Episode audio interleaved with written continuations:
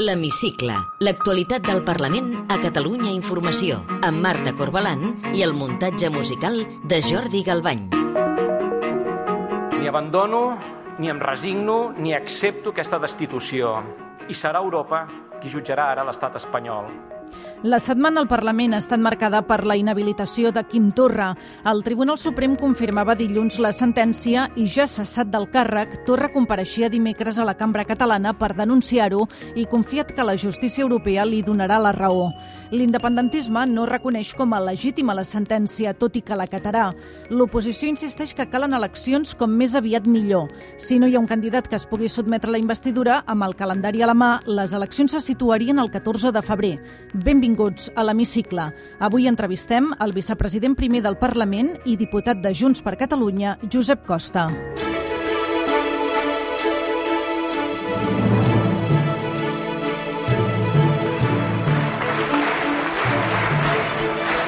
Amb crits de president, l'independentisme va rebre Quim Torra al Parlament. Un cop ja inhabilitat, Junts per Catalunya i Esquerra van convidar-lo a intervenir en un ple que Ciutadans i el PSC van intentar suspendre fins l'últim segon. Bé, bona tarda, diputats, diputades. Intervindrà tot seguit el 131è president de la Generalitat, el senyor Joaquim Torra i Pla. Aquí dono la benvinguda i demano que passi a l'hemicicle per dirigir-nos aquestes paraules. Torra va defensar que les pròximes eleccions es converteixin en un plebiscit sobre la independència i va enviar aquest missatge. Que el proper Parlament que sorgeixi de les urnes sigui fidel al mandat de la ciutadania, o monarquia espanyola o república catalana. Des de la responsabilitat que em pertoqui, seré al vostre costat si lidereu aquesta ruptura democràtica i seguiu el poble. Es va acomiadar dels diputats amb un discurs encès contra l'estat espanyol, a qui va acusar d'enderrocar un govern democràtic i també va carregar contra alguns grups de l'oposició. Vergonya pels que porteu les expressions dels diputats, la lliure expressió dels diputats en aquest Parlament a la justícia. Vergonya. El mateix dia que Torra compareixia al Parlament, el vicepresident del govern, el republicà Pere Aragonès, assumia les funcions de president substitut. Deixem-ho clar, després de la inhabilitació del president Torra no hi ha president. I no hi ha president fins que aquest Parlament escolli un president o una presidenta, que és com s'escullen els presidents a Catalunya. També era molt clara la consellera de la presidència, Meritxell Budó. President, som el teu govern seguirem lluitant tal com tu ens demanaves, les 24 hores de cada dia, per la vida i per la salut dels ciutadans i les ciutadanes del nostre país. Des de Junts per Catalunya, el diputat Albert Batet demanava a l'independentisme pactar un full de ruta per culminar el procés. Ens hem de conjurar a definir una estratègia conjunta per fer que l'1 d'octubre i els resultats de l'1 d'octubre, i si assolim més del 50%, tingui conseqüències polítiques. Perquè quan anem junts, guanyem. El president del grup republicà, Sergi Sabrià, deixava clar que el camí cap a la independència no té marxa enrere. Això d'avui és un cop més en un camí que ja és irreversible fins a la llibertat definitiva. President Torra, ho farem per tu, també, i sobretot ho farem amb tu. Els dos socis de govern van aprovar una resolució conjunta que no reconeix com a legítima la sentència del Suprem i manté la confiança en Torra.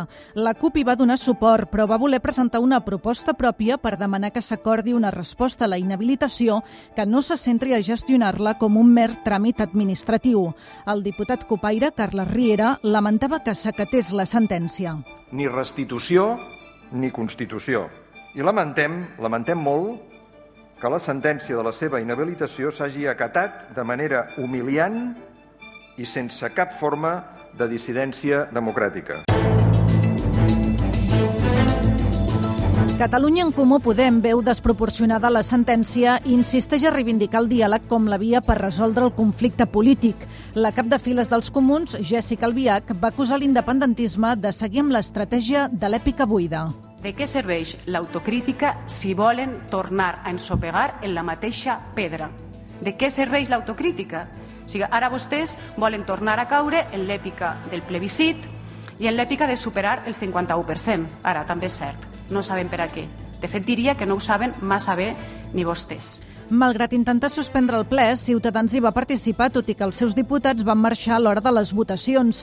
Abans d'abandonar l'hemicicle, el cap de l'oposició, Carlos Carrizosa, va vaticinar que Torra tornarà al Parlament. El senyor eh, Torra volverá porque va a tener que explicar las cosas y nosotros no vamos a parar hasta destapar el inmenso agujero negro que han creado ustedes con las cuentas de la Generalitat para sufragar toda la fiesta del procés.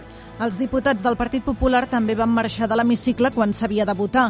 Abans el seu líder, Alejandro Fernández, acusava Torra de falta de maduresa. Desobedecer a una junta electoral por una pancarta es un comportamiento preadolescente. Sin más, preadolescente. Mi hija de cuatro años tiene más madurez que muchos de ustedes. Els diputats del PSC van decidir no participar al ple. Unes hores abans, Miquel Iceta n'explicava els motius. No participarem amb una funció parlamentària, i ho dic amb, com a mínim en el doble sentit de l'expressió, que el nostre judici no serà altra cosa que una escenificació partidista que no es correspon al que el Parlament hauria de fer. Torra va abandonar el Parlament per l'escala d'honor, igual com hi havia entrat, enmig de crits de president. Avui, al Parlament, posem el zoom sobre... Avui ens fixarem en el calendari que s'obre a partir d'ara al Parlament després de la inhabilitació de Torra. Aquesta setmana, l'endemà que es publiqués el decret de substitució al diari oficial de la Generalitat, han començat a córrer els 10 dies hàbils que té el president del Parlament per fer consultes amb els grups. Roger Torrent ha de veure si hi ha un candidat a la investidura que pugui rellevar Quim Torra. Si no hi ha candidat, es declara vacant la investidura i aleshores s'activa el compte enrere cap a unes noves eleccions. En concret, s'engegaran els dos mesos de termini que marca la llei fins a la dissolució automàtica del Parlament. Passats aquests dos mesos, les eleccions es farien 54 dies després. Si fem càlculs, això vol dir que els comicis se situarien la setmana del 8 de febrer i com que es faran caure en diumenge, la data serà el 14 de febrer. Té la paraula som en Josep Costa, vicepresident primer del Parlament i diputat de Junts per Catalunya.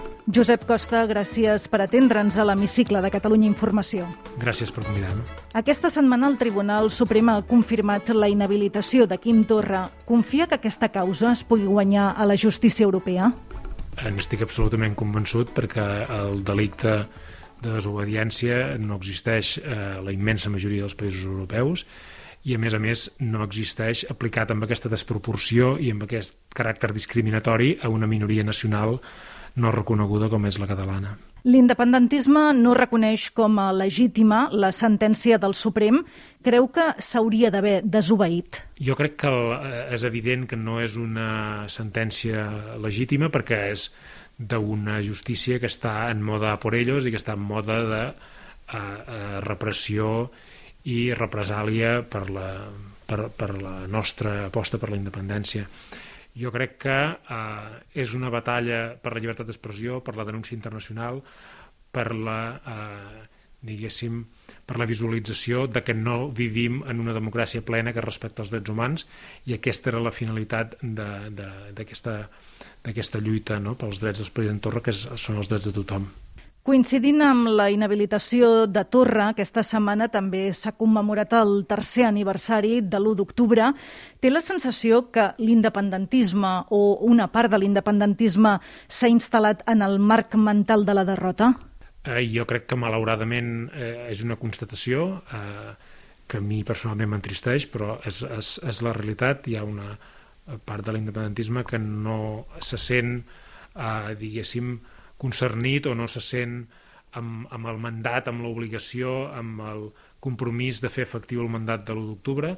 I, i jo crec que eh, eh, la, la realitat és que la gent eh, encara viu i recorda l'1 d'octubre com una victòria, com una demostració de que podem guanyar, de que podem ser independents, de que som prous i prou forts per, per, eh, per aconseguir-ho i per tant eh, d'alguna manera ens cal tornar en aquest moment fundacional que és l'1 d'octubre. Vostè ha publicat fa poc el llibre Eixamplant l'esquerda, on explica que el procés d'independència és com una autovia de tres carrils, el del pacte amb l'Estat, el de la desobediència civil i el de la ruptura unilateral. Per quin carril creu que s'hauria de circular ara mateix? Jo crec que en aquests moments eh, hem, de, hem de circular per, per aquest carril central de la desobediència civil perquè és evident que el del pacte amb l'Estat, el de la negociació i diàleg amb l'Estat no existeix, no té recorregut, i perquè el de la ruptura unilateral necessita d'un grau de eh, consens, unitat i preparació que malauradament per les raons que deia abans no, no es donen. Per tant, eh, la via central de la desobediència és aquella que no ens condiciona si finalment això resultarà per una via negociada o es farà per una via eh, eh de ruptura, però eh, l'abans en aquests moments, la manera d'avançar, la manera de seguir eh, eh, diguéssim, reforçant-nos, fent-nos forts i debilitant l'Estat és la via de la desobediència civil, sens dubte. Podria definir-me el concepte de confrontació intel·ligent amb l'Estat? El conflicte amb l'Estat es podria resoldre de dues maneres, hipotèticament, per una via del diàleg o per una via de la confrontació. L'Estat ha decidit la confrontació. L'Estat ha decidit que no vol dialogar i que no vol resoldre aquest conflicte d'una manera eh, eh acordada. Per tant, eh, en la mesura que l'Estat ha decidit confrontació, nosaltres només tenim dues opcions, que és entomar aquesta confrontació o rendir-nos. I, per, I com que la rendició no és una opció, eh, ens queda ser eh, intel·ligents en la manera com responem en aquesta confrontació, com l'entomam i com eh, d'alguna manera la fem servir per eh, desgastar l'Estat, per deslegitimar l'Estat, sobretot també en, en l'àmbit internacional, i per anar aprofitant les crisis i les contradiccions que té aquest estat que ha decidit, això és la clau de tot, ha decidit renunciar a la democràcia per salvar la unitat d'Espanya i, per tant, ens dona a nosaltres la bandera dels drets humans en l'àmbit internacional i ens dona la bandera de la democràcia en l'àmbit interior i exterior. Tinc la sensació, ben llegit el llibre, que la vicepresidència del Parlament, que està ocupant aquesta legislatura, l'ha viscut, podríem dir, com un capítol, un punt amarg. El llibre es descriu com si estigués dins d'una gàbia lligat de mans i de peus. De qui és la culpa? Uh, de, de, bàsicament de l'Estat, perquè, perquè l'Estat ens ha eh, diguéssim, retornat les institucions però no ens ha respectat la democràcia. I al Parlament les decisions eh, que s'han pres són de domini públic. Els xocs que vostè ha tingut amb el president del Parlament, el republicà Roger Torrent, creu que eh, ha actuat com a vostè li hauria agradat?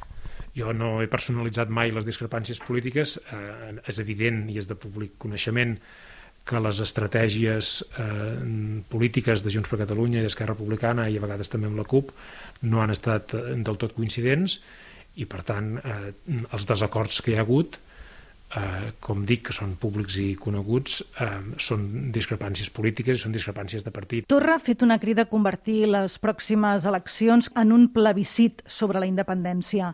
Què vol dir això i quines conseqüències polítiques hi hauria d'haver si guanya l'independentisme? Bé, això ja tenim experiència d'aquest tipus de, de, de marcs plebiscitaris, que és que si guanyam els independentistes no és un plebiscit sobre la independència, però si perdéssim ho seria. No? Si perdéssim eh, ens dirien que ens han derrotat i que ens han eh, finalment apartat de, del, del govern i que la gent no vol la independència. Per tant, com que sabem que si l'endemà no tenim una majoria independentista clara i que eh, consolidi la fidelitat al, al mandat de l'1 d'octubre, la lectura a Espanya, a, Europa i al món serà que Catalunya ja no vol la independència, és evident que hem de tornar a votar en clau de reforçar la majoria independentista i de ratificar el mandat de l'1 d'octubre. Si l'aritmètica parlamentària ho fes possible després de les pròximes eleccions, veuria factible un altre govern amb Esquerra? Jo crec que um, la gent uh, decidirà amb el seu vot quines són les aritmètiques parlamentàries. Uh, quan tu et presentes a les eleccions aspires a guanyar, aspires a tenir majoria suficient per governar i en tot cas nosaltres som una opció que està compromesa amb l'1 d'octubre i amb el mandat polític en deriva de fer la independència i per tant nosaltres hem d'apostar per eh, investir un govern compromès en fer la independència. No només que es digui independentista, no només que hi hagi partits independentistes, sinó que tingui un projecte i un programa per fer la independència. I per tant, això eh, entenc jo que només aquells partits que tinguin això en el programa eh, eh, són els nostres potencials aliats. Vostè és un independentista, podríem dir-ho així, de tota la vida, des dels 15 anys. El que desconeix molta gent és que vostè estava vinculat a Esquerra Republicana, fins i tot va fundar les joventuts del partit, la GERC, a la seva illa natal, a Eivissa. Què el porta Junts per Catalunya?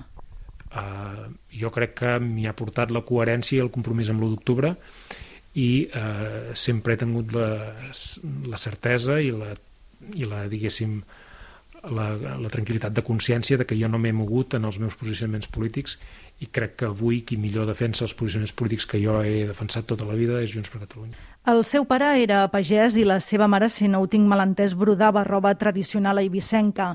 Podem dir que ve d'una família poc polititzada. Per què vostè va fer el salt a la política? Um, és una pregunta que, que segurament no me l'he sabut contestar mai ni a mi mateix. Jo crec que tots d'alguna manera estem concernits amb, el, amb, el, amb la societat i amb el futur que tenim com a poble. Jo crec que he, he arribat a la política per la via de, de tenir una consciència nacional. És a dir, primer adquireixes una consciència nacional, una, una identitat, una consciència de que, eh, de que tens una llengua que no és respectada, que tens una cultura que l'Estat la discrimina i que per tant això t'aboca a, a, a, una, a una proposta política o una idea política de que necessitam tenir el nostre propi estat i jo crec que ha estat aquesta diguéssim la, la meu, el, el meu trànsit cap a la política És puntual? Jo crec que sóc conscient del, de quan puc o no puc arribar tard. Digui'ns un defecte. Um, crec que sóc bastant autoexigent i per tant eh, eh, amb les altres persones potser a vegades ho sóc massa. I una virtut? No m'agrada a mi, diguéssim, considerar-me imprescindible per res ni per ningú. Amb quin diputat o diputada que no sigui del seu grup compartiria una sobretaula distesa? Per exemple, amb en, amb en Rubén Wagensberg, que és una persona que és molt sociable i que sempre eh, té coses per explicar i, i compartir. I ja per acabar, completi la frase següent. El que més m'agradaria del món és... Donar-li a la gent el que el fa feliç. Josep Costa, vicepresident primer del Parlament i diputat de Junts per Catalunya, gràcies per atendre'ns a l'hemicicle de Catalunya Informació. Gràcies a vosaltres.